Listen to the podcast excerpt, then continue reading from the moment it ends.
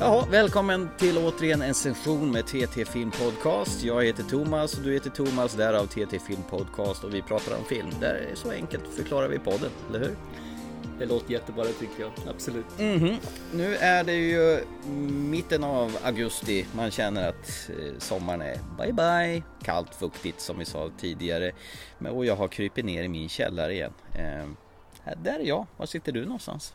Ja, Jag sitter faktiskt utomhus, jag tycker fortfarande det sommar. Så jag sitter här när det är mörkt. Det är lite kyligt men rätt friskt i alla fall.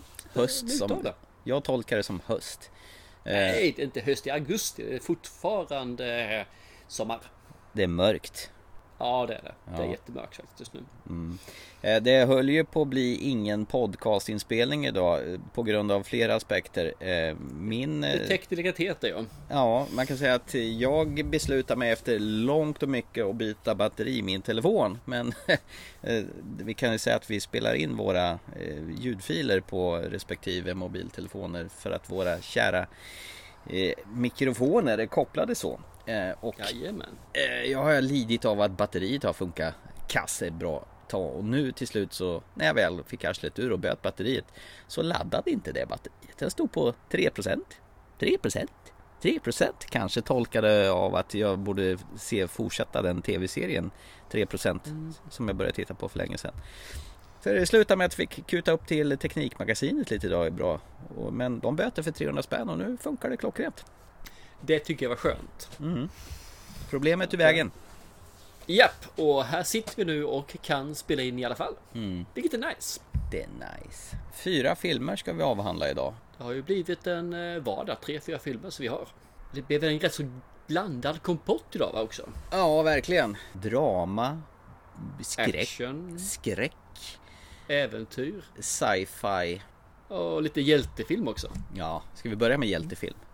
Ja, det är klart vi gör. Eftersom Mm. du hatar Marvel-draveln så kan vi ju köra lite DC istället. Ja, Och det här är väl den första hjältefilm med hjältepersonen, superhjältepersonen som har överhuvudtaget kommit tror jag. Mm. jag inte felinformerad. så är det nog. Som dessutom fick byta namn från Captain Marvel till det här namnet på grund av rättighetstjafs mellan DC och eh, just Marvel. Mm. Vilket jag tycker Shazam, ja, det fungerar. Shazam ja! Shazam! Shazam! Shazam! Shazam. I read this study on superpowers, and in six out of ten, belief is the key. I believe I can fly! I believe I can fly! Superman! Superman, what arm is it? Your phone's charged. What the hell? Oh, snap!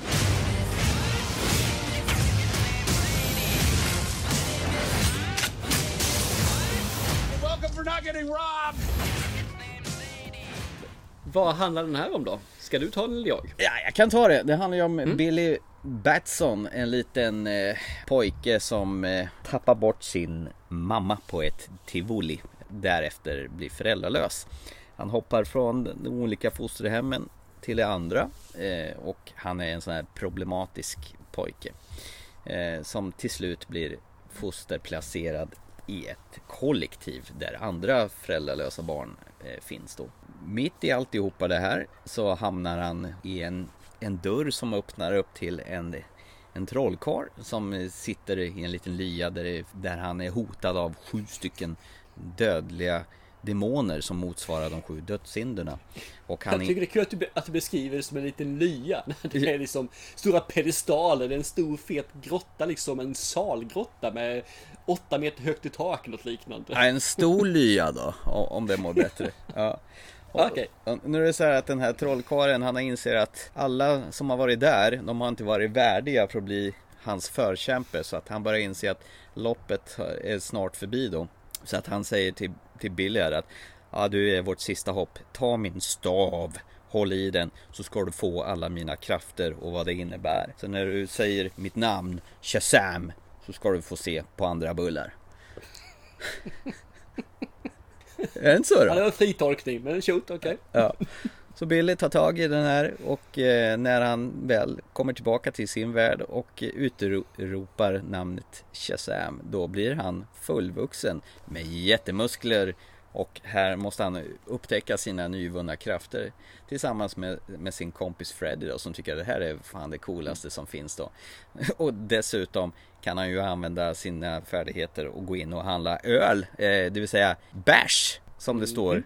Och det här är ju på grund av att eh, regissören eh, David F Sandberg som ju även gjorde Lights Out är ju från Sverige och ville implementera lite humor med bärs. Hans krafter går ju lite överstyr och ett hot naturligtvis. Han, en, en hjälte måste ju ha en nemesis där då som spelas av Dr. Sivana, eh, karaktären Sivana av Mark Strong då. Som alltid verkar få spela skurkar i alla typer av filmer.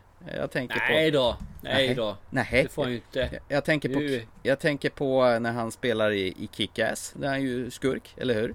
Ja, det stämmer ju. Ja.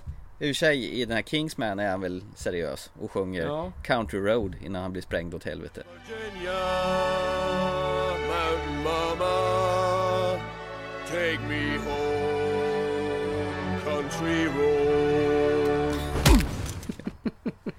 Nej, och grejen är att eh, ha- han som vuxen Shazam då, han är ju, han är ju fortfarande barn i kropp, i sinnet då, men har ju liksom en fullvuxen mans eh, färdigheter då. Men han beter sig fortfarande som en liten pubertal tonåring då. Ja, är typ, han? 13, 12, 13, 14 år någonstans där. ungefär, som måste ta sig an den här, det här hotet då. Ja, det är väl ungefär vad den går ut på. Ja, det är ju som alla andra superhjältefilmer. Du tar Spindelmannen eller vad du tar för någonting så är det ju samma uppbyggnad egentligen. Coming to age. Ja, enda skillnaden här är väl att han tar väl inte sina krafter på allvar utan han är väl ute på stan och jonglerar med dem istället för att tjäna lite pengar som en tiggare mer eller mindre. Och tycker väl det är mer en ploj istället för att ta allvar på det man säger så gör det gör något gott om vi säger så. till tonerna av Survivors Eye of a Tiger. Dut, dut, dut, dut. Och så kastar han en massa ljusblixtar i, i, i takt med musiken då. Jag kan säga min nioåriga son tyckte ju att det här var ju fest för ögat. Han har ju peppat den här, efter den här filmen ända sedan han gick på bio och han fullkomligt älskar den här filmen från början till slut. Men det visste jag att han skulle göra för jag pratade med han innan där så jag tror det blir bra. Jag vet att den här kommer vara bra, sa han bara. Så det, det var ingen fråga om det skulle vara en bra eller dålig film, den är bra. Och Aha. sa han innan han såg den då ju. Och han fnissade ju så han höll på att dö i vissa scener. Och så att storebror som satt med och tittade blev ju skitirriterad på honom. Varför skrattar du sådär för? Lägg av! Han skitsur. Jag såg den här faktiskt med mina barn. Eh, De tyckte ju att det var, det fanns ju så mycket håligheter i den så det såg ut som en schweizerost. Och jag håller med, det är mycket hålighet där. Manuset har de inte tänkt eh, två gånger på utan de har bara skrivit ner det och så har de kört mer eller mindre och improviserat känns som. Min son tyckte faktiskt att det fanns en hel del rolighet i den också som man kunde ha behållning av. Så det finns en del eh, skämt, ja, klantigheter som eh, gick hem hos honom och då är han ju, är ju 17 eh, plus nu då. Jag hade med mig min sambo och såg den här också. Hon sa att det här är ju klart en barnfilm ju. Och hade det inte varit för de här demonerna som är ett läskigt inslag, tyckte hon då. Så hade det ju varit en klar barnfilm. Men hon tyckte att det krockade väldigt konstigt med de här, det lättsamma, det humoristiska. Och sen blev det helt plötsligt väldigt våldsamt. Men eh, min son på nio år höll inte med där. Jag tror att hon har lite fel bild på vad som är våldsamt idag och inte. För den där är inte våldsam. Det var väl ett par tvära kast med folk genom fönsterrutor och sånt där kanske som hon syftade Ja. på. Men det är gjort med liksom med glimt i ögat med en jäkla nypa salt och väldigt stor portion humor allting. Och ganska barnslig humor också. Det här är ju en, är ju en 11-årsfilm. Eh, Och Mark Strong tycker jag ändå känns som att han har börjat bli väldigt typecastad bara för att han ser ut på ett speciellt sätt. Hans skalliga syn och det var ett väldigt av och på med hans solbriller för att visa att han hade är ögat där ja. Ja, det blåa ögat på ena sidan då som är någon slags superkraft som han proppar in, in sig tidigt i filmen. Precis. Demonöga. Alltså det tog annars en jävla lång stund innan han Billy fick sina krafter. Jag tror det gick åt kanske 40 minuter av filmen innan han blev Shazam. Ja, de hade en rätt så lång uppbyggnadsfas där med att visa upp att han varför han mådde så dåligt och varför och hela det här kört då att han hade sin karaktär och han ville då rymma och träffa sin mamma igen då. På en, en film som är för äldre barn så tror jag det hade fungerat bättre. Just den biten tror jag nog kan nog bli för lång. Jag tycker det fungerar så men jag är ju en gammal gubbe så att det... Men det var just det här med den här filmen.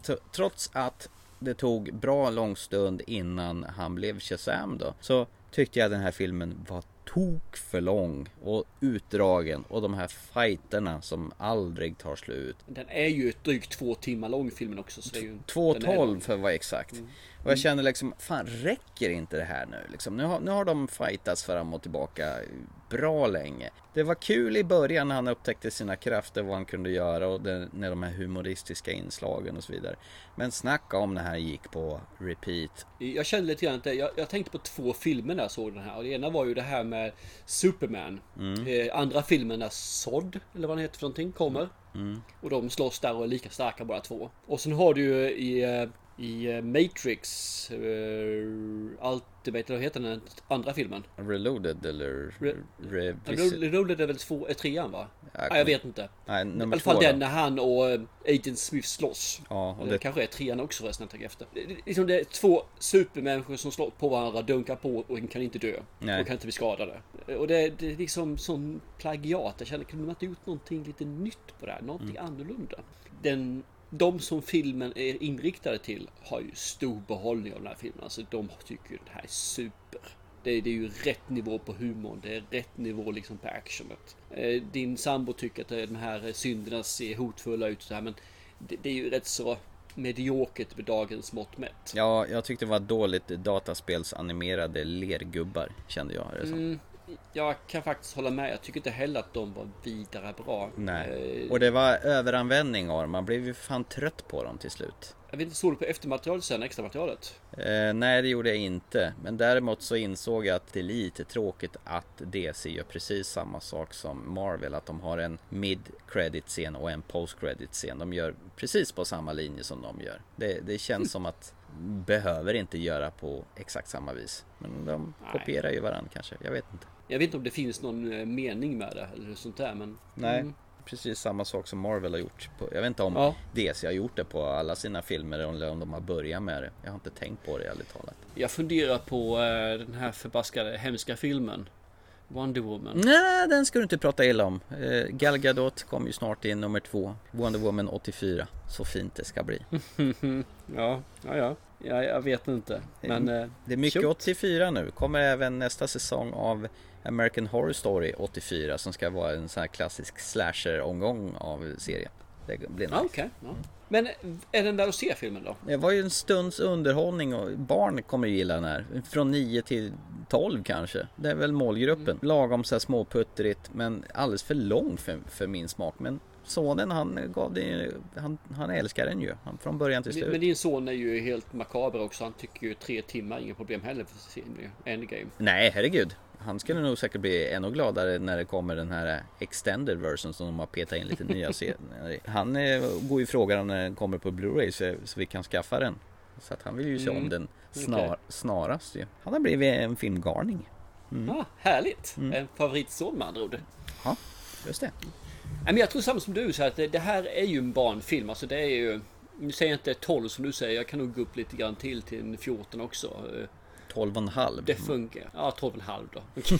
Nej, men jag tror det funkar liksom. Det här är ju den typen av film som tilltalar. Det det är en enkel story, enkel humor i den också som gör att man inte behöver fundera för mycket på det. Och jag tror att det tilltalar massan i, som är yngre.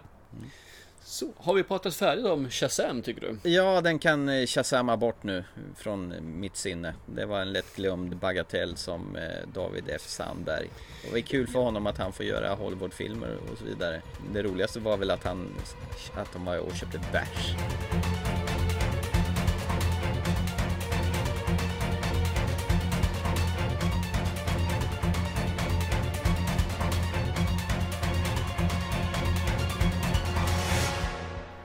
Då beger vi oss in från den ena superhjälten till den, en ofrivillig superhjälte, eller vad man ska säga. Precis. Nej, det är nog ingen superhjälte. En ängel kanske, krigsängel.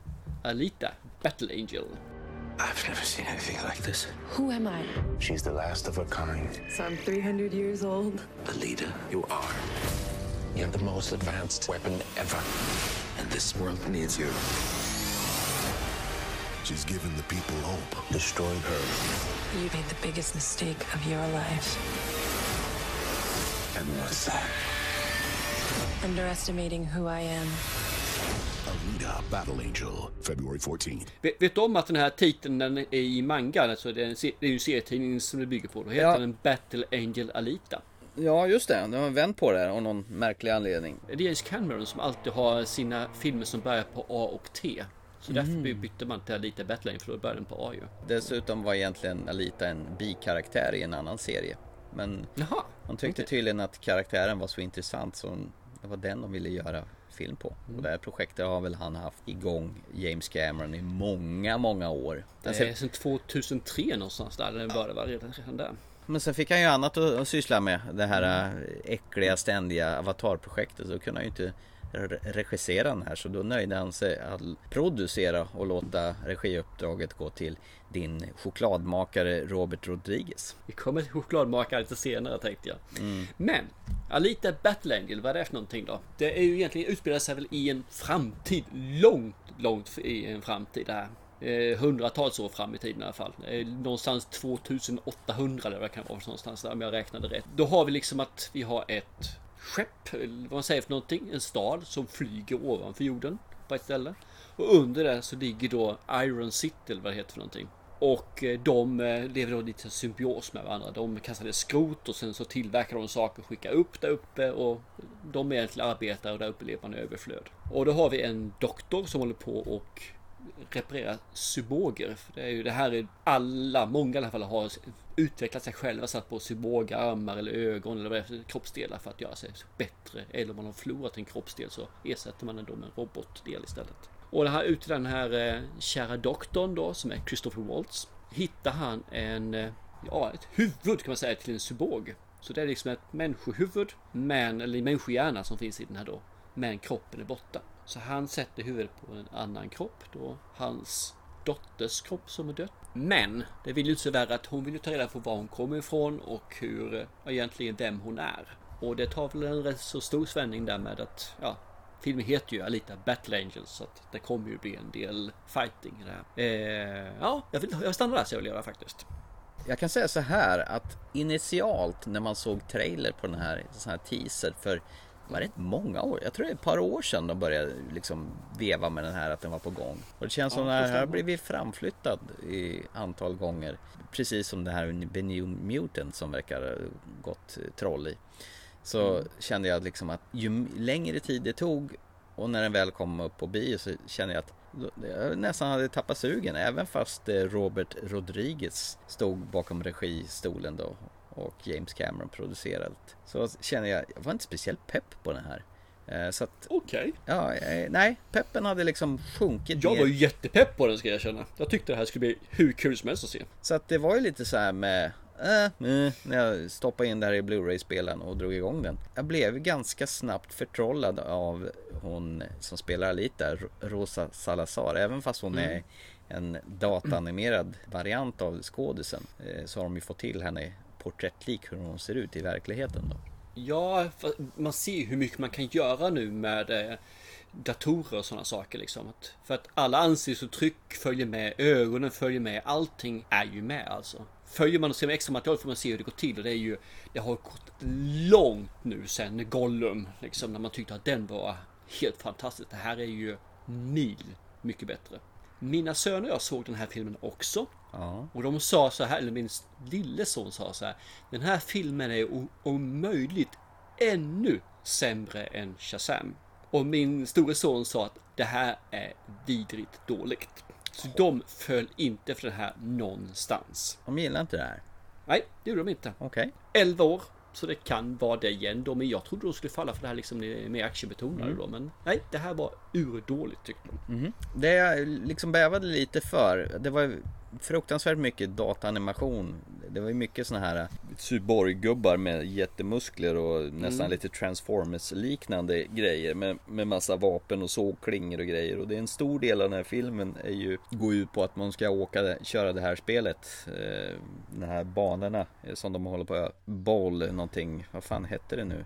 Roadball eller vad fan heter det? Battleball, thunderball. Det är någonting med boll, de åker rull, rullskridskor eller så heter det inte, inlines eller vad fan heter det? Ja, på en bana. Rollerblade säger vi, det är bra Ja, och så ska de försöka eliminera varandra för att bli vinnare då.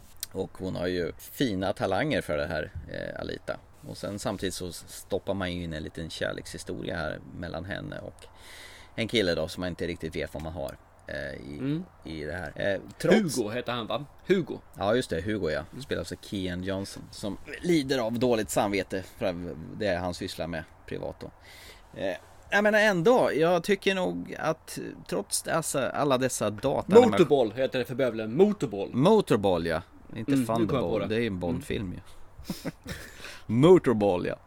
På en stor arena där mycket, många i publiken jublar och satsar pengar på vem som ska vinna. Och bottarna eller cyborgerna strimlas på löpande band. Det blev ju nästan sån här gladiator-arena historia av det hela. Fast på en bana som de jagar varandra på. Lite, vad ska man säga, running man på rullskridskor. Fast alla samlade på ett och samma ställe. Gud vilken Ja. dålig referens. Men just det här med att det är massa olika karaktärer med olika typer av vapen och alla vill fuska. Det här var ju en av de sakerna som jag tycker var det sämsta med filmen. Alltså? Ja, Motorball gick inte hem hos mig. Det var lite grann som Quidditch i Harry Potter-filmerna. Ja okej, jag fattar. Varför fanns den sekvensen ens med? Den behövdes, den tillförde ingenting. Så jag, jag tycker att det var jättesynd. Vet du vad jag också kände påminner lite om? Eh, I första Star Wars, det mörka hotet när Ja, den lilla Anakin kör de här, eh, de här rymdskeppen eller de här Ja. eh, speed, speeders mellan massa Speedos, eller? sp- Ja Speedos, det har du ju på dig ju för fan Nej men vi- visst var det lite sån arenajakt också? Ja, lite grann sånt är det ju. Och jag, jag kände bara nej, behövs inte och det får ganska mycket utrymme också. Jag tycker det är lite, lite synd. Jag tyckte det var häftigt ja Nej, jag tyckte det gav ingenting. Innan jag går in på vad jag tycker och känner och lite sådana här saker så är det ju rätt intressant. För jag började kolla efter Kommer en uppföljare på det här? För jag har fått för mig att den här har gått riktigt bra alltså i, i sommar här i Sverige i alla fall. Slutet hintar ju på att det är eh, Det skulle kunna bli en till ja. Ja, så min- budgeten är ju på 170 miljoner. Mm. Och den ska ha spelat in idag 404 miljoner. Ja. Och när jag läste på lite så säger de att det här har ju inte blivit en kassasuccé eller en flopp. Jag menar men- på vad fasen, han har ju spelat in, ja det blir ju nästan tre gånger sin egen kostnad. Och det är ju bara på ett halvår. Och jag tycker, är, det, är inte det en kassako? Vad fan har de för kriterier? Men, så att om det blir en uppföljare eller inte är inte klart än. Däremot har ju Robert Rodriguez sagt att jag vill gärna köra den här filmen en gång till. Jag vill tillbaka till det här universumet. Han älskade verkligen att göra den här filmen. Så att kommer en uppföljare så är ju säkert eh, Robert Rodriguez med och kör den igen. Om man nu Mm. får möjlighet. Ja, jag kan säga min storson, han blev ju vansinnig som filmen slutade. Han sa, så där kan det väl för fan inte sluta. Han sa så ordagrant. Det Mm. kan det väl? Nej, det kan inte. Han blev ju riktigt upprörd över slutet. Jag kan förstå honom faktiskt, för det Mm. slutar väldigt öppet. Det slutar nästan som att det skulle vara en trilogi. Mm. Ja, ungefär. nu, man säger så. Ja, men precis. Att vi lämnar oss här så återkommer vi om två år igen eller sånt där. Med nästa film som heter lite Battle Angels Returns eller sådana saker. Ja, The Unloaded. Fight for Reloaded. the Dome. Nej men jag håller med, jag tyckte den här världen var trevlig. Det här är fan Mad Max och allt möjligt blandades hejvilt och jag, jag gillar Christopher Watts att han är lite mer dämpad och inte sån här lustig gubbe som han är i Tarantinos filmer. Det är kul att se honom eller den här andra för övrigt när han är skallig och vad heter det? Theory?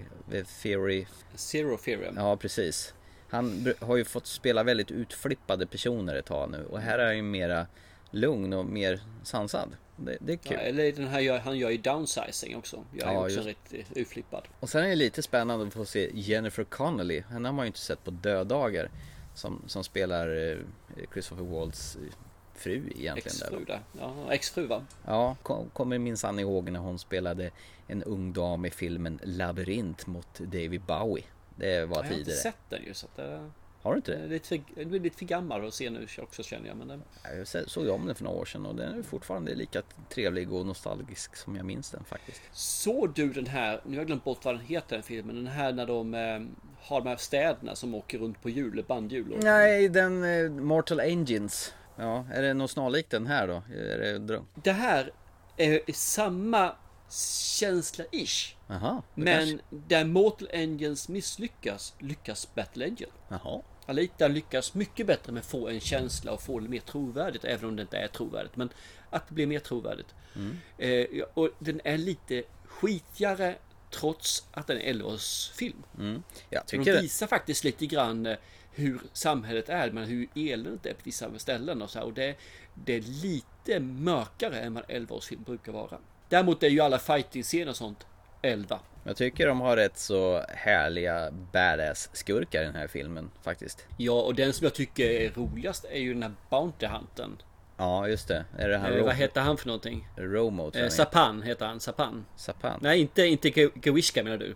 Ja, nej. Nej, Sapan han är ju Bounty Hunten. Där ju som eh, har det här svärdet. Han tycker jag är lite god ju, för han är ju så jävla fåfäng. Ja, det, det. Ja, nej men det är det jag menar. De har ju lyckats skapa rätt så mycket sköna karaktärer. Och, Ja, men, då.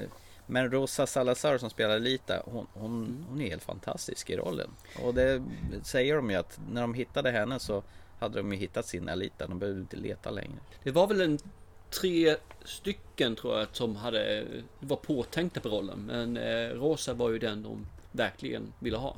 När de kom fram till det. Nej men det här med som du säger liksom med alla karaktärer som finns där. De har, verkar ha lagt ner väldigt mycket tid på det. Men du har en eh, Bounty Hunter som håller på med hundar. Du har eh, han den här eh, Big Bossen, den här Gewiska som då är som då byggs upp och uppgraderas efterhand här. Och sen så har du ju eh, någon annan eh, Bounty Hunter tjej där som också har liksom jättesexiga ben. Kinuba. Ja det kommer du ihåg, okej. Ja, det kommer Så jag ihåg. jag tycker om de här, de har verkligen gjort detaljer på det. De har inte bara smetat ut att alla ser ut sådär. Utan de har verkligen tagit den här personen, den här personen. Och det är till och med de här som inte ens har någon stor roll. De säger kanske en eller två meningar i hela filmen. Min like, jag tycker om det. Jag, jag tyckte, jag skulle gärna, men det här är något som återkommer för mig, att jag skulle gärna sett den lite mörkare. Jag skulle gärna sett den här faktiskt som en R-rated film, en 15-årsfilm. Men det här var väl att göra den tillgänglig för den stora massan för att den skulle Absolut. slå igenom i alla led. Det jag retade mig på när jag såg trailern, ursäkta jag avbryter det här, men det finns en sak jag retade mig på som jag tyckte var så jäkla weird, jag, jag kunde liksom inte få in den. Och det är ju hennes ögon, att de är då 1,38% större än normala människoögon. Men när jag ser filmen sen så tycker jag bara det blir nice.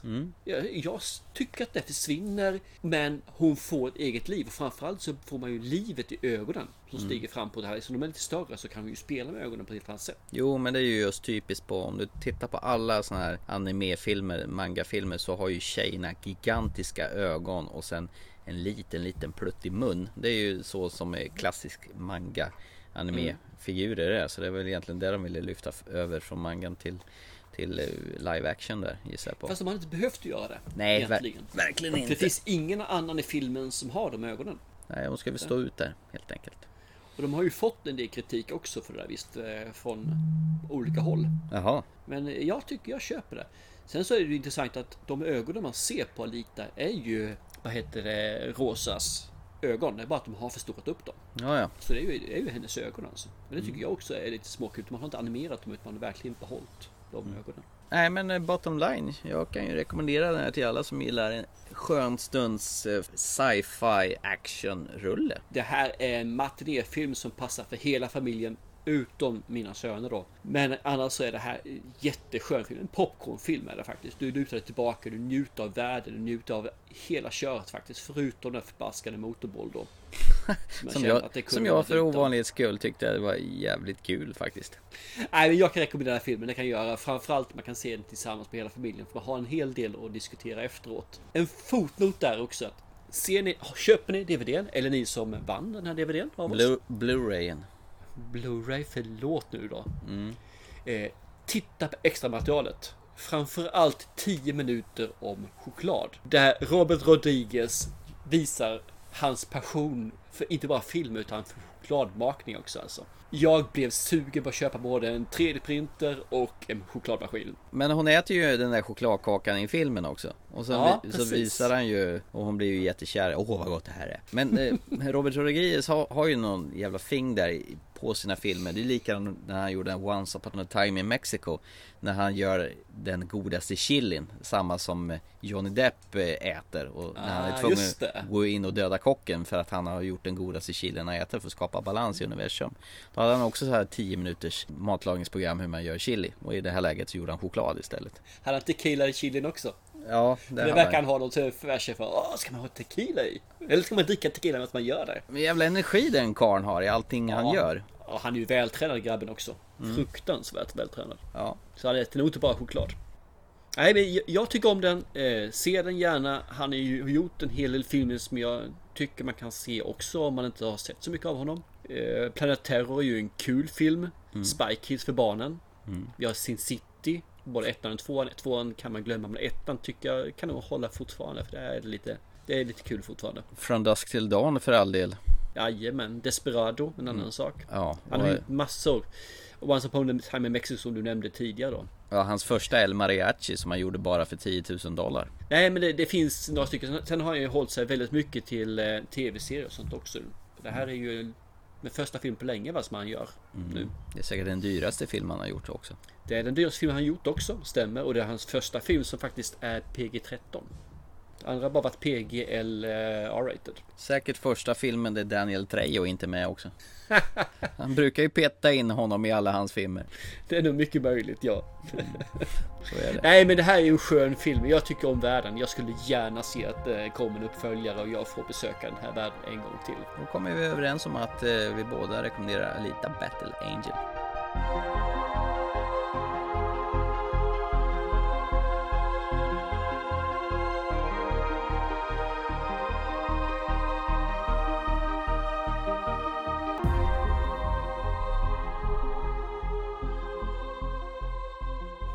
Jaha, då så. Ska vi gå till dyslexifilm? Felstavat så det bara dundrar om det. Yes, och då är det ju eh, Djurkyrkogården, eller Ja. Djurkyrkogården. Inte det djur, utan djur. Ja, eller Pet Cemetery som den heter på original. och inte Cemetery. There are places in this world that bring things back. On April 5th, That cat was dead.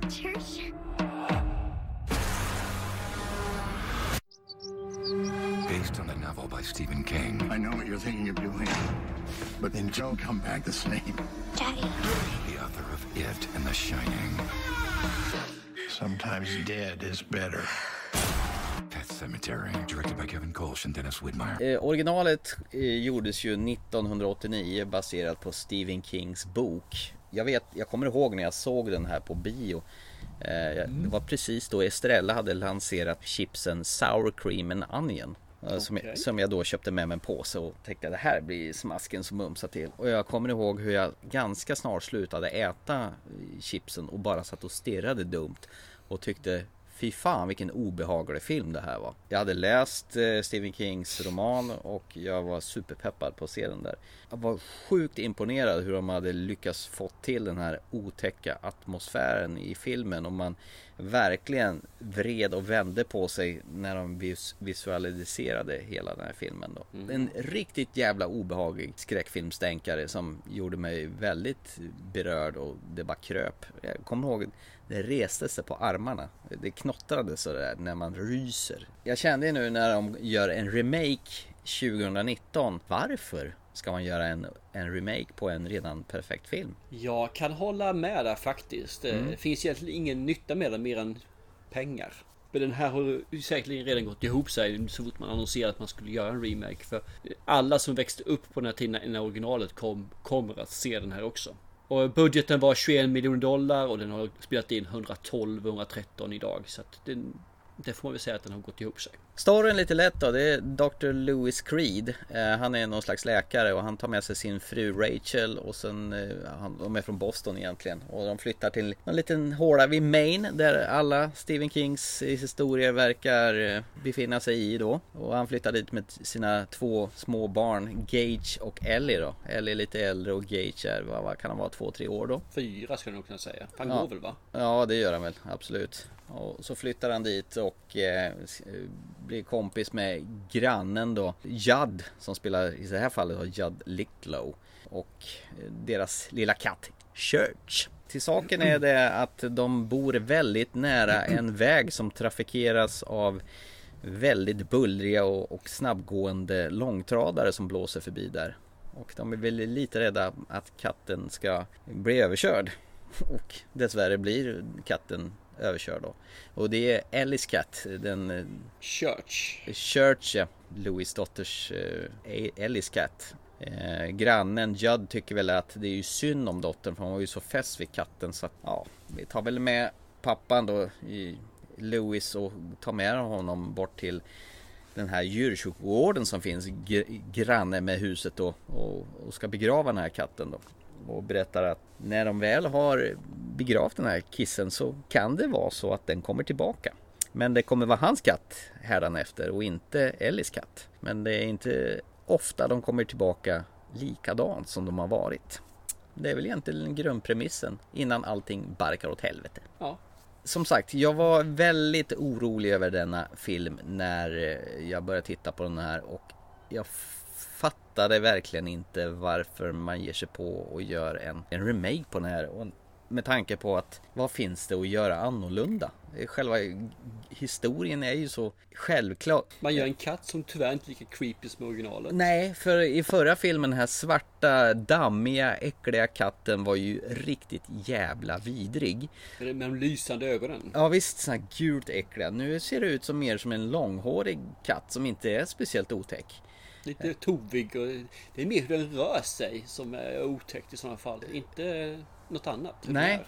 Och det jag tyckte var fruktansvärt otäckt i 89 års version Det var ju eh, Rachels syrra, hon Zelda, hon med den här knakiga Hon hade ju någon sjukdom som gjorde så att ryggen, ryggraden var helt förvriden Det var just den scenen där jag slutade käka chipsen kommer jag ihåg när jag såg den här på bio och tyckte det här var ju vidrigt och sen hade vi ju den här äh, unga killen som hade råkat ut för att bli påkörd och fått halva skallen spräckt. Den här Victor Pascal.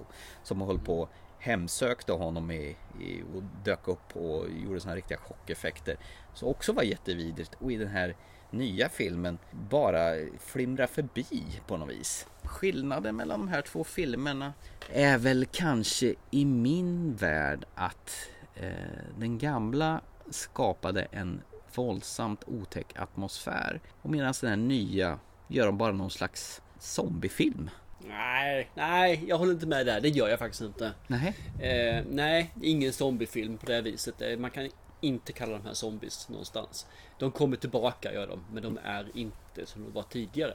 Jag håller med dig lite grann att det finns en creepy känsla i originalet mm. som är brutal. Eh, det som för mig faller mest ut är ju till exempel katten som eh, tar livet av eh, frugan i, i första filmen. Mm. Och så har vi den lilla gossen som skrattar och eh, klampar runt och skär av folk hälsenor. Det är liksom fantastiskt bra sådär. Man verkligen mår dåligt av den där. I, I, den här får man ju se att de har gjort lite annan twist på den. Jag tror att eh, Ellie är ju lite äldre. Mm. Än vad, vad, vad Gage. var i första filmen. Mm. Gage, ja, Gage är ju den lille sonen här. Men Gage mm. hette han väl inte i originalfilmen va? Jo. Det gjorde han visst. Hette han det? Ja. Aha, okej. Okay. Men hon tycker jag faktiskt blir creepy på ett annat sätt. Det är mer hur hon agerar. Hon är så kall, så beräknande i det här fallet. Så jag tycker nog att hon får till det ganska nice där. Sen går ju inte den här filmen att jämföra när man såg originalet. Jag har inte sett om originalet, vågar inte göra det. Jag tror att den kan vara rätt så töntig idag tyvärr. Okay. Jag tycker den här, de får till vissa saker bra. Andra saker är ju ruta för ruta. Mm. Och några saker, ja, rätt så många tyvärr har de gjort sämre av de som är ruta för ruta jämfört med det som var innan. Ja, vet du vad det mest sämsta med den här filmen är? Det är Jason Clark. Han övertygar inte överhuvudtaget som desperat Nej. pappa så som den förra skådisen gjorde i 89 års film. Det vill säga Dale Midkiff. Han, han verkligen utstrålade desperation och han gjorde, gör allt för sin familj. Medans Jason Clark gäspar sig igenom den här rollen och är totalt oengagerad och inte överhuvudtaget känns han känns inte äkta någonstans. Han gör det för en lönecheck. Ja, men jag kan känna det med. Han är inte alls så investerad. Nej, jag tycker, in, inte. jag tycker inte ens John Lithgow gör sitt jobb som man ska. Eh, visserligen... Ah, där har... tycker jag han gör det. Men, jag vet inte om du återigen tittade på extra materialet. Mm. De har klippt bort i alla fall en scen mm. som behövde vara med i filmen. Ja. För den ger så mycket till. Mm. Och där kommer karaktären fram mycket, mycket mer än vad det gör i filmen. För de har klippt bort fel saker. Det fanns andra saker att klippt bort istället. Mm. Jag tycker han gör det han ska göra. Sen så har ju nog den som klipper gjort fel. Jag tycker hela filmen är slarvigt klippt överhuvudtaget. Alltså sekvenserna som hoppar mellan varandra, det blir jävligt osammanhängande. Det är inget flyt i klippningen. Och det gör också liksom att den tappar ju helt och hållet stämningen på att det ska vara otäckt. Och den här creepy stämningen som jag kände från 89 års film, den uteblir ju totalt i den här. Ja, ja. Däremot så också i originalfilmen så, så kände man ju att de hade något starkt band Judd och Lewis eh, grannar emellan. Här känns det ungefär som att de har inte riktigt den kopplingen här. Det du har fått mer i det bortklippta materialet. Det är lite långt så det inte är det kanske bara två eller tre minuter, kanske fyra minuter långt det klippet som de visar upp där. Ja. Men den ger jättemycket till att man får att de får en relation. Att, inte bara att pappan och Judd utan även dottern och Judd också Mm. har relation. För den framgår ju inte alls heller tycker jag i filmen. Det är synd när de gör viset för de hade klippt tre minuter till, fyra minuter till på filmen. De hade plockat bort andra saker och hållit den fortfarande på 1.40. Så Mm. jävla synd när man inte fattar vad man gör för något ibland känns det. I alla fall var min åsikt, ska jag erkänna. Sen tycker jag även också att det visuella i den här äh, begravningsplatsen, den indianplatsen där de begraver Mm. sina döda. Eh, det ser ju så jäkla studioaktigt ut i den här. Mm. Och det såg ju mycket bättre ut i 89 års version. Eh, det ser ju verkligen ut som du är på en indianbegravningsplats medan här är ju bara ett jäkla stenrö som de har byggt upp i en studio. Vilket de också hade gjort. Jaha, okej, okej. Mm. Och sen att de skulle traska igenom ett träsk som helt De tyckte det var jättebra att de skulle stoppa in det som inte fanns i originalet. Tillför ju inte ett smack. Jag håller med. Ja. Nej, nej, det finns vissa saker som inte... Men, men jag tror att det tilltalar säkert yngre generationer mer än oss. Mm. Det, det måste ska skrivas på näsan på annat sätt känns det som än vad vi var vana vid. Sen det största misstaget överhuvudtaget de gör så här Det är väl ingen hemlighet för alla som har sett originalet att eh, Gage är den som blir överkörd i originalet av den här stora tunga lastbilen då. Och man känner ju mer för en sån här liten litet barn då som inte överhuvudtaget är mer oskyldigt sådär än att stora syrran eh, blir den som blir överkörd i det nya. Att man växlar Nej, jag får nog säga emot det där också. Du har en 12-årig tjej. Känner inte du någonting när hon blir överkörd alltså? Nej men Nej, alltså Så du menar att pojkar är värda mer än flickor? Nej, det var inte så jag menar. Men jag tycker det är Det var otäckare precis vad du sa. Jag tycker det är otäckare när en lit, litet barn där kommer tillbaka. Och dessutom bara kommer tillbaka för att I'm gonna play with you och ska leka med vassa föremål som en skalpell. Jo, men där har vi det att ska, han, ska de göra exakt likadant igen? Ja, när de det- gör den här filmen. För då hade det blivit verkligen ett plagiat. Så de behöver ju ändra på lite saker. Och jag tycker, jag håller med. Den, den lilla sonen där är gruvligt hemsk. Han är bland det hemskaste som finns på film alltså. Han var ju läskig. Men jag tycker att hon var läskig på ett annat sätt. Nej. Eh, inte, inte lika, men jag tycker de fick till henne faktiskt riktigt bra i vissa avseenden. Och har liksom en mer verbal skräck än vad det går att ha med en liten pojke som springer, springer runt och säger I want to play. Ja, det är Det går liksom inte att ha något verbalt där, att de pratar. Och det blir liksom creepy på det viset. Det tycker jag faktiskt de gick igång och lyckades bra med. Det finns ju dessutom på Blu-rayen ett alternate ending på den här filmen. Mm, vilket är sämre än eh, det de faktiskt. Nej, jag tycker det var mycket bättre än det Nej, slutet nej, de nej, jo, nej. jo, jo. För Jag vet inte vad du snackar. de börjar ju filmen på det viset och visar en del av slutsekvensen på det som de inte valde. Och det hade ju egentligen, i och med att de börjar med det i filmen, när man har liksom fått sett när skadan är redan skedd och avslutar med då hade ju cirkeln slutit sig i en naturlig väg där. Men de frångår... Nej, du, du har helt fel här också. Alltså, du, fasen vad mycket fel du har då. Jag förstår inte detta. Så vad har hänt med dig? Jo, Jag jag, jag, kom tycker de, jag tycker de valde det absolut kackigaste slutet eh, av de här två. Och det var helt fel valt. Dåligt där. Nej, jag, jag säger som min son. Mm. Du tycker fel. Hade otur när du tycker någonting. Om vi säger så här då. Jag tyckte det här var en totalt katastrofdålig remake som överhuvudtaget inte hade behövt gjorts. Eh, Vad är det de säger? Sometimes dead is better och den här kunde ha fått vara död. Tycker de lyckas helt okej till en helt onödig remake. Om vi säger så då. Ja. Den är inte, den är inte jättebra den här. Så det, den går inte att jämföra med upplevelsen jag hade av originalet. jag tycker fortfarande om man ser det som en fristående film istället för att jämföra så tycker jag den är okej, duglig. Ja. Inget mer än så. Problemet var ju att den inte var otäck någonstans. Det var ju, den skapar ju inte några chills eller... Jag kände liksom att den är ju ingen läskig den här filmen. De skjuter ju långt ifrån målet från alla, på alla sätt och vis. Och då, dåliga skådisar, dålig timing. Allting var dåligt. Nej, fy fan vad kast det här var. Usch! Fan vilken negativ gammal gubbe du är. Är det poddmorfar som pratar här igen eller? Det kan det vara så, men... Eh, Blir man bitter när man är så gammal som dig? Ja, kan hända. Vi har en, inte ens pratat om skådisen som spelar Rachel, som spelar mamman, Amy eh, Simets, som visar sig vara en re- regissör också, som ville lägga sig i hur, hur regissörerna skulle regissera filmen då.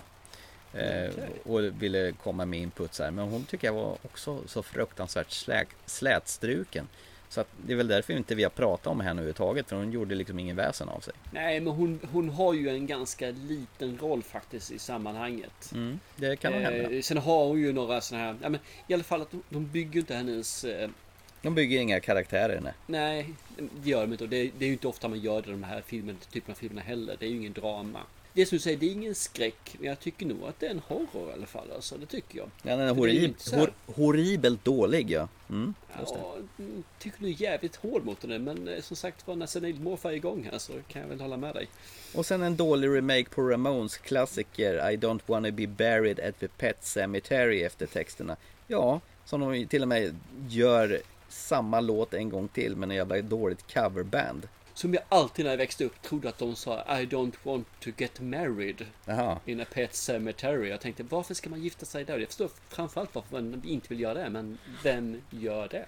Min sambo trodde ju Bananarama sjöng Only you can set me free Cause I'm guilty, guilty as a cock of pee Trodde hon att hon sjöng Istället för a girl, guilty as a girl can be Men man ser ju vad man fantiserar och det är inte mer med det. Ja, ja, cock of pee Det här var en cock of pee Det var det jag skulle komma fram till Ah, Okej, vad så du menar.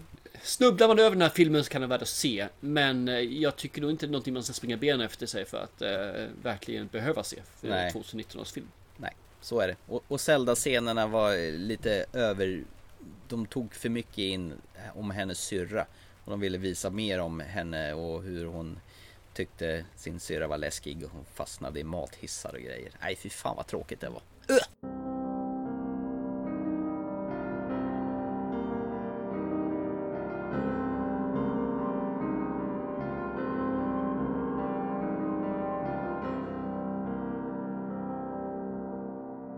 morfar, vi hoppar vidare. Ja, eh, till mitt uppdrag som jag fick av dig. Det var ju Ja, det du valde själv. Av alla du kunde välja med så valde du just den här. Jag tycker det var intressant faktiskt. Det gjorde jag ju inte. Det här blev jag ju påtvingad till, insåg jag. Och jag, jag känner ju att du njöt ju säkert något jävelskt eh, av att jag fick se den här. Skulle jag, skulle jag njuta av sånt? Nej, det- jag, jag gav dig, vill du ha den här filmen eller den här filmen? Du sa jag vill absolut ha den där filmen. Är det säkert vill du ha den? Ja, sa du. Ja, men ja, okej då, du får som du vill. Och då fick du ju Sjunde inseglet. Vem är du? Jag är döden. Kommer du för att hämta mig? Jag har redan länge gått vid din sida. Det vet jag. Är du beredd? Min kropp är rädd. Inte jag själv. Så säger ni alla. Men jag lämnar inga uppskov. Du spelar ju schack, inte sant? Hur vet du det? Ja. Jag har sett det på målningar och hört i visorna. Ja, jag är verkligen en ganska skicklig schackspelare. Du kan ändå inte vara skickligare än jag. Varför vill du spela schack med mig? Det är min sak. Det har du rätt i. Villkoret är att jag får leva så länge jag står dig emot. Spelar jag dig matt, friar du mig. Du fick svart. Det passar ju bäst så. Inte sant?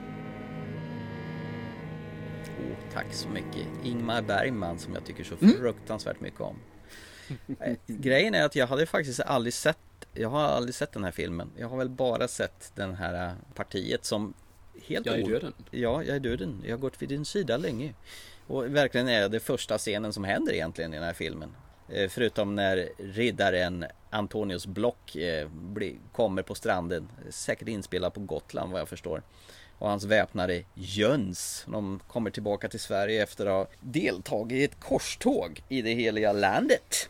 Eh, Det är någonstans under 1300-talet eh, när digerdöden har drabbat eh, Sverige då. När de kommer där på stranden då kommer det en svartklädd gubbe farande. Bengt Ekeroth spelade döden då. Han har någon jävla sån här åtsittande grodmansdräkt höll jag på att säga. Eh, och Med mantel. Ja, mantel med, med eh, lie där. Och talar om att nu har jag kommit för att hämta dig. Men eh, Min Max får... kropp är redo men... eh, Ja, Nej fel. Min, min, mitt sinne är redo men min kropp är inte det. nej. Och då försöker han skjuta upp det hela genom att han eh, ska få spela ett litet parti schack med döden. Jaså? Vill du spela schack? Varför vill du det? Då ger han Det är min egenskap. Ja, då vill han ge ett förslag på att eh, om han vinner över döden då ska han låta honom gå. Och då tycker väl döden att det kan han väl göra. Och det här schackpartiet det återkommer genom eh, olika delar av filmen då. Ja, det var ju en grundpremiss och sen är man ju tvungen Sen, sen är, får du följa ett ungt skådespelarpar, Joff och Mia. Det vill säga Nils Poppe och en ung Bibi Andersson. Hon som låg näck i någon sån där, hon dansade en sommar. De eh, tillhör någon sånt här litet, en liten grupp skådespelare som åker mellan by till by eh, med sin lille son Mikael. Och sen har de en teaterdirektör som heter Skatt. Joff, han får en massa syner som han berättar för sin hustru. Att han eh, ser änglar och grejer. Eh, och den här direktören Skatt, han lämnar sällskapet för en kvinnas skull. Eh, det visar sig att den här kvinnan har gift med byns smed, Plog. Och så blir det ett jävla liv när han inser vart eh, hustrun har tagit vägen. Eh, ja, och sen eh, de här båda sällskapen då, eh, Max von Sydow då, hans riddare och väpnaren, de kommer till en liten by då, det är en massa präster som ska bränna en ung kvinna som har haft kontakt med djävulen då. Och då, då jävlar anamma, då bränner man kvinnorna på bål då.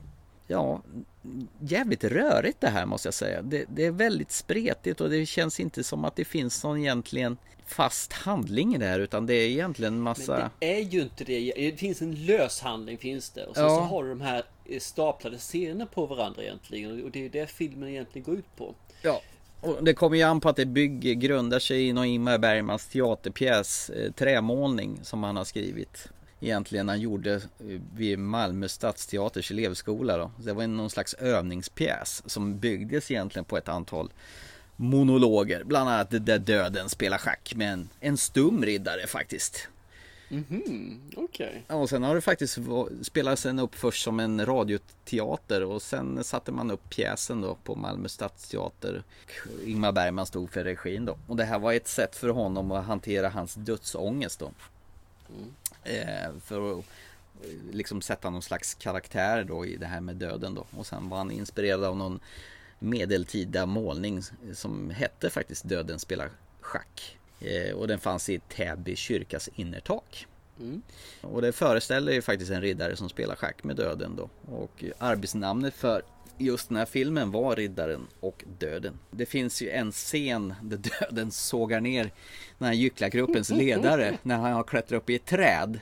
Och, och den är också influerad av en kyrkmålning tydligen. Eh, och sen har han tydligen hämtat inspiration av Ak- Akira Kurosawas filmer när han skrev manus till den här sjunde inseglet. Och sen är det ju det här sjunde inseglet eh, läses ju två gånger i filmens inledningsscen och den näst sista scenen då. När för varje sigill så, så släpper djävulen ut en olycka över jorden då. Just det här. De säger någonting att 30 minuter så, så blev allting stilla. Då bryts det sjunde inseglet.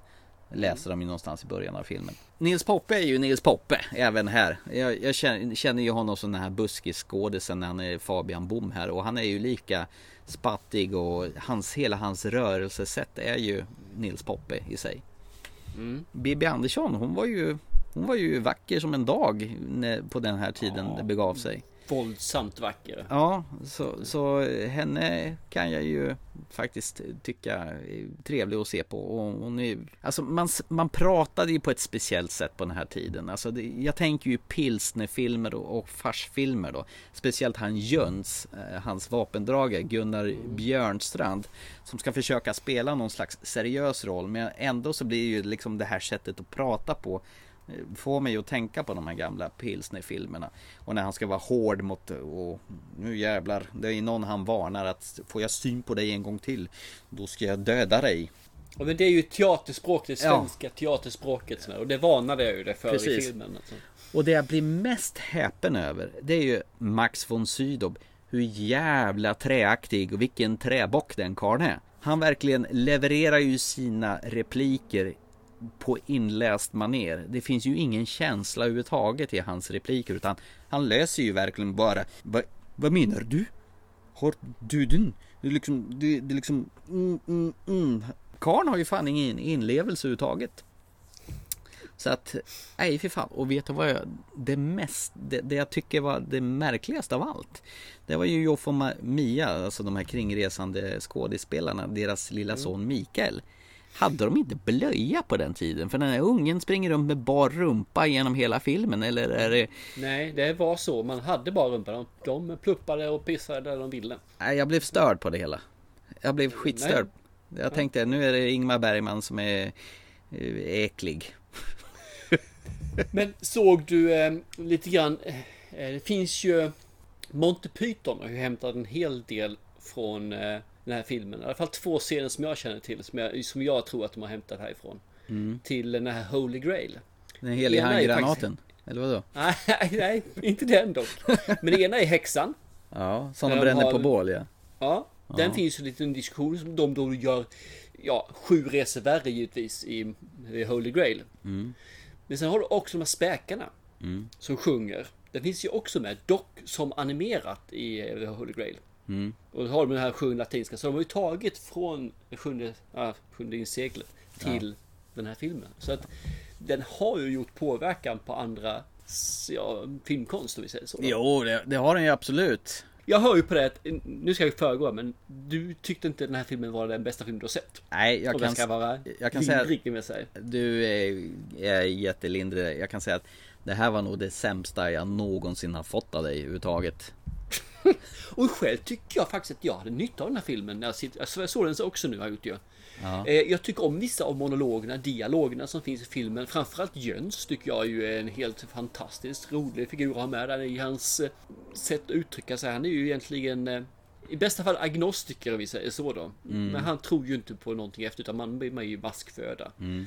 Och Block hatar ju det för han vill ju att det ska finnas någonting, så finns en mening med livet. Mm. Att det ska finnas någonting. Och det Jo. är det som också hans sätt att bearbeta sin rädsla för det här. Att han är ju rädd för döden, att det bara ska vara maskföda. Eftersom det har då sett så mycket ond bråd död i hela landet. Mm, verkligen. Jag vet ju att eh, eh, Max von Sydows block, han eh, har ju väldigt så här existentiella frågor om livet och döden och djävulen och alltihopa. Han pratar ju med den här tjejen som ska brännas på bål, för hon har ju sett djävulen och säger Har du sett han? Ja, jag ser honom nu. Oj, för han verkligen vill bekräfta på att det finns en himmel, det finns ett helvete, vad som kommer efter döden. Att det finns liv e- efter detta, så det är ju mycket. Men det är ju som sagt Ingmar Bergmans rädsla för döden som man behandlar i den här filmen. Absolut. Och filmen anses ju vara en stor bioklassiker världen över. Eh, och det hjälpte ju tydligen Ingmar Bergman att etablera sig som re- regissör internationellt. Och så finns den faktiskt med på IMDBs topplista över de 250 bästa filmerna någonsin. Men jag tyckte det här var värdelös nonsens. Det enda jag tyckte var lite kul det var väl när döden tar fram en stor jäkla såg och sågar ner trädet där han Den här äh, skat Erik Strandmark satt upp i trädet och trodde att han hade kommit undan då. Och precis. skriker ett avgrundsvrål när trädet fälls ner då och en pålagd Mer som en liten tjej känns som. Ja, och ett jättekrasch ungefär som att trädet exploderar eller någonting. Det är väl så att de förr så effekterna är ju fantastiskt värdelösa i det här. Men det, filmen är ju trots allt från 50-talet. 57. Ja. Nej, det här tycker jag inte om. Nej, var, jag, ing- jag var ganska övertygad att du inte skulle tycka om det. Jag det här är trevligt, men jag är nog en av de få också som har behållning av den här filmen. Mm. Eh, Det känns så i alla fall, för när jag pratar med andra som, eh, som tycker om film i vanliga fall och har sett den här så om de nu har sett hela vet jag inte. Mm. Så säger de samma sak, att den här är ju skitjobbig, den går ut att se liksom. Det är ju, den är överreklamerad. Och jag tycker det är bedrövligt hantverk. Om vi ska gå till någon film som är ungefär i samma tidsera som jag fick av dig. Det var ju Processen eh, med Antonio Perkins. Den är ju i alla fall ett gediget filmhantverk som filmtekniskt sett eh, visar upp en stor... Ja, fast du kan inte jämföra en svensk småfilm på det viset och ändå en utländsk film. Men ändå, det kommer ju ändå från... Det är ju helt andra budgetar. Ja, det må vara hänt. Men det här var ju, nej det här var ju patetiskt dåligt alltså. Fy fan. Jag tycker om monologerna, jag, jag, måste säga det. Jag tycker om det. Sen så är det lite buskisvarning i eh, skämten som de ändå finns där. Ja. Men jag tycker den här är faktiskt helt okej. Okay. Men ja. jag är medveten om att jag är Ja, jag är minoritet. Ja. Nej men du är ju inte ensam med tanke på att det här var en stor succé när det, när det begav sig. Och den har, har ändå 8,2 på IMDB. Mm, jag vet.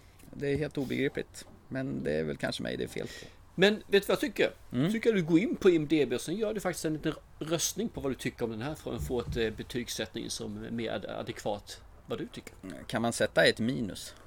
Nej, men noll går säkert att göra va? Ja. Ett eller noll. Ja, kul! Eller kul, kul, men eh, jag tycker det var skoj att du traskade igenom den här och jag var väl ganska övertygad om att jag inte skulle tycka det här var något vidare. Att Nej. du sen tyckte det var det sämsta du fått från mig. Det förstår jag inte riktigt med tanke på din smak när, jag, när du skickar över vampyrfilmer från tyska läderhosen. ja, jag kan säga att det var det är väl en film som man ska ha sett då som man kan bocka av. Det är väl det enda positiva med hela att jag har bockat av det sjunde inseglet som jag undvikit under alla dessa år. Eh, med tanke på detta storpiga, dåliga skådespel som är. Eh, bortsett från Bibi Andersson då. Det är väl mm. hon som, har, som kan komma undan här med fanan. Så jag hyrde den här på SF Anytime för 39 spänn. Så är det. Mm. Ska du ha något tillbaka då? Det hoppas jag verkligen jag ska få. Det här var faktiskt en liten film jag såg faktiskt för någon vecka sedan. På något sätt så jag vet inte vad jag ska säga. Jag tänker att du ska också få se den här, så får se vad du tycker. det låter som en hämnden i ljuv. Ja, det vet jag inte faktiskt. Den enda två som jag känner igen i den här filmen som jag känner igen som skådisar det är Tendensen och Tony Collette. Du vet hon som spelade psykmorsan i den här filmen som jag inte kan uttala. H-filmen du vet. Dockfilmen. Ja, just det. Ja, ska, ska, vi, ska vi ta det med en gång då? Kan du säga Hä? Hä? Rä? Rä? Di? Di? Ta? Ta? Ry? Ja, det är Hereditary. Ja, just det. Hereditary. Mm, just det. Ja. Eh, den här filmen som du ska få, den börjar också på H. Eh, en drama eller dramakomedi om man så vill. Jag tycker mer att det är ett drama och den är faktiskt från 2018. Eh, hör och häpna. Så en relativt ny film. Filmen heter Hearts Beat Loud. Och handlar om en pappa med hans krångliga förhållande till sin dotter och pappan äger en skivbutik som är nedläggningshotad. Låter kanske skittråkigt men jag tycker ändå att den, du bör titta på den och se vad du tycker. Okej. Okay. Hearts beat loud. Ja, shoot. Jag har inte den blekaste. Jag funderar på om jag visste någonting om den och sådana saker men den här...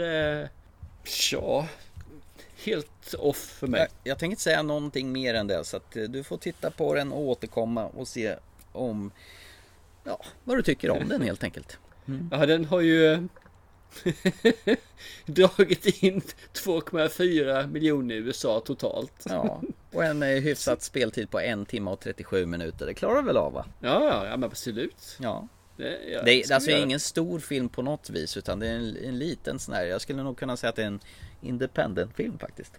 Mm. Ja men absolut. Mm. Jag eh, hugger tag i den. Mm. Att det, Varsågod. Och se om jag kan leta rätt på den någonstans också. Mm. Den finns säkert på de lokala streamingtjänsterna. Ja, säkerligen. Mm. Perfect Thomas, perfect. Är vi nöjda för dagen? Ja, jag tror det också. Jag, då har jag kräkts på tre filmer mm. idag. Jag har kräkts på Shazam, jag har kräkts på Djurkyrkogården och jag har kräkts på Det sjunde inseglet. Det var väl egentligen bara Alita som gick med fanan i topp där med sin fina, vad heter det, rollerblades, thunder, motor, skrotum. Motorball? Motorball? Mo motorball ja, exakt. Eh, den var bra, eh, resten var skit. Ja, ja okej. Okay. Du förstår för det. Jag tycker fortfarande att Shazam tilltalar den grupp den ska tilltala. Alita tilltalade mig och den grupp tror jag som ska tilltala. Djurkyrkogården, ja men en medioker film. Sjunde insekt är fortfarande riktigt nice. Ja, eh, till nästa gång ska den här suriga gubben se lite andra filmer. Och, och du ska få se på Hearts Beat Loud. Och som vanligt så finns vi på Facebook, vi finns på Instagram, vi finns på Twitter och du hör oss lättast på iTunes, Acast, ja, plus en fruktansvärt massa andra eh, plattformar också. Och vill ni kontakta oss så finns vi på ttfilmpodcast.gmail.com där ni kan önska er en film om ni vill och så kommer vi eventuellt prata om den framledes och så blir ni belönad med en Ja. eh, film som tack för hjälpen. En eller två filmer beroende på hur Yes. generös jag känner mig. Ja, mm, generös. Eh, ja, men till nästa gång då så se en bra film då, för det tänker jag göra. Absolut. Chip chip. Chip. Hej då!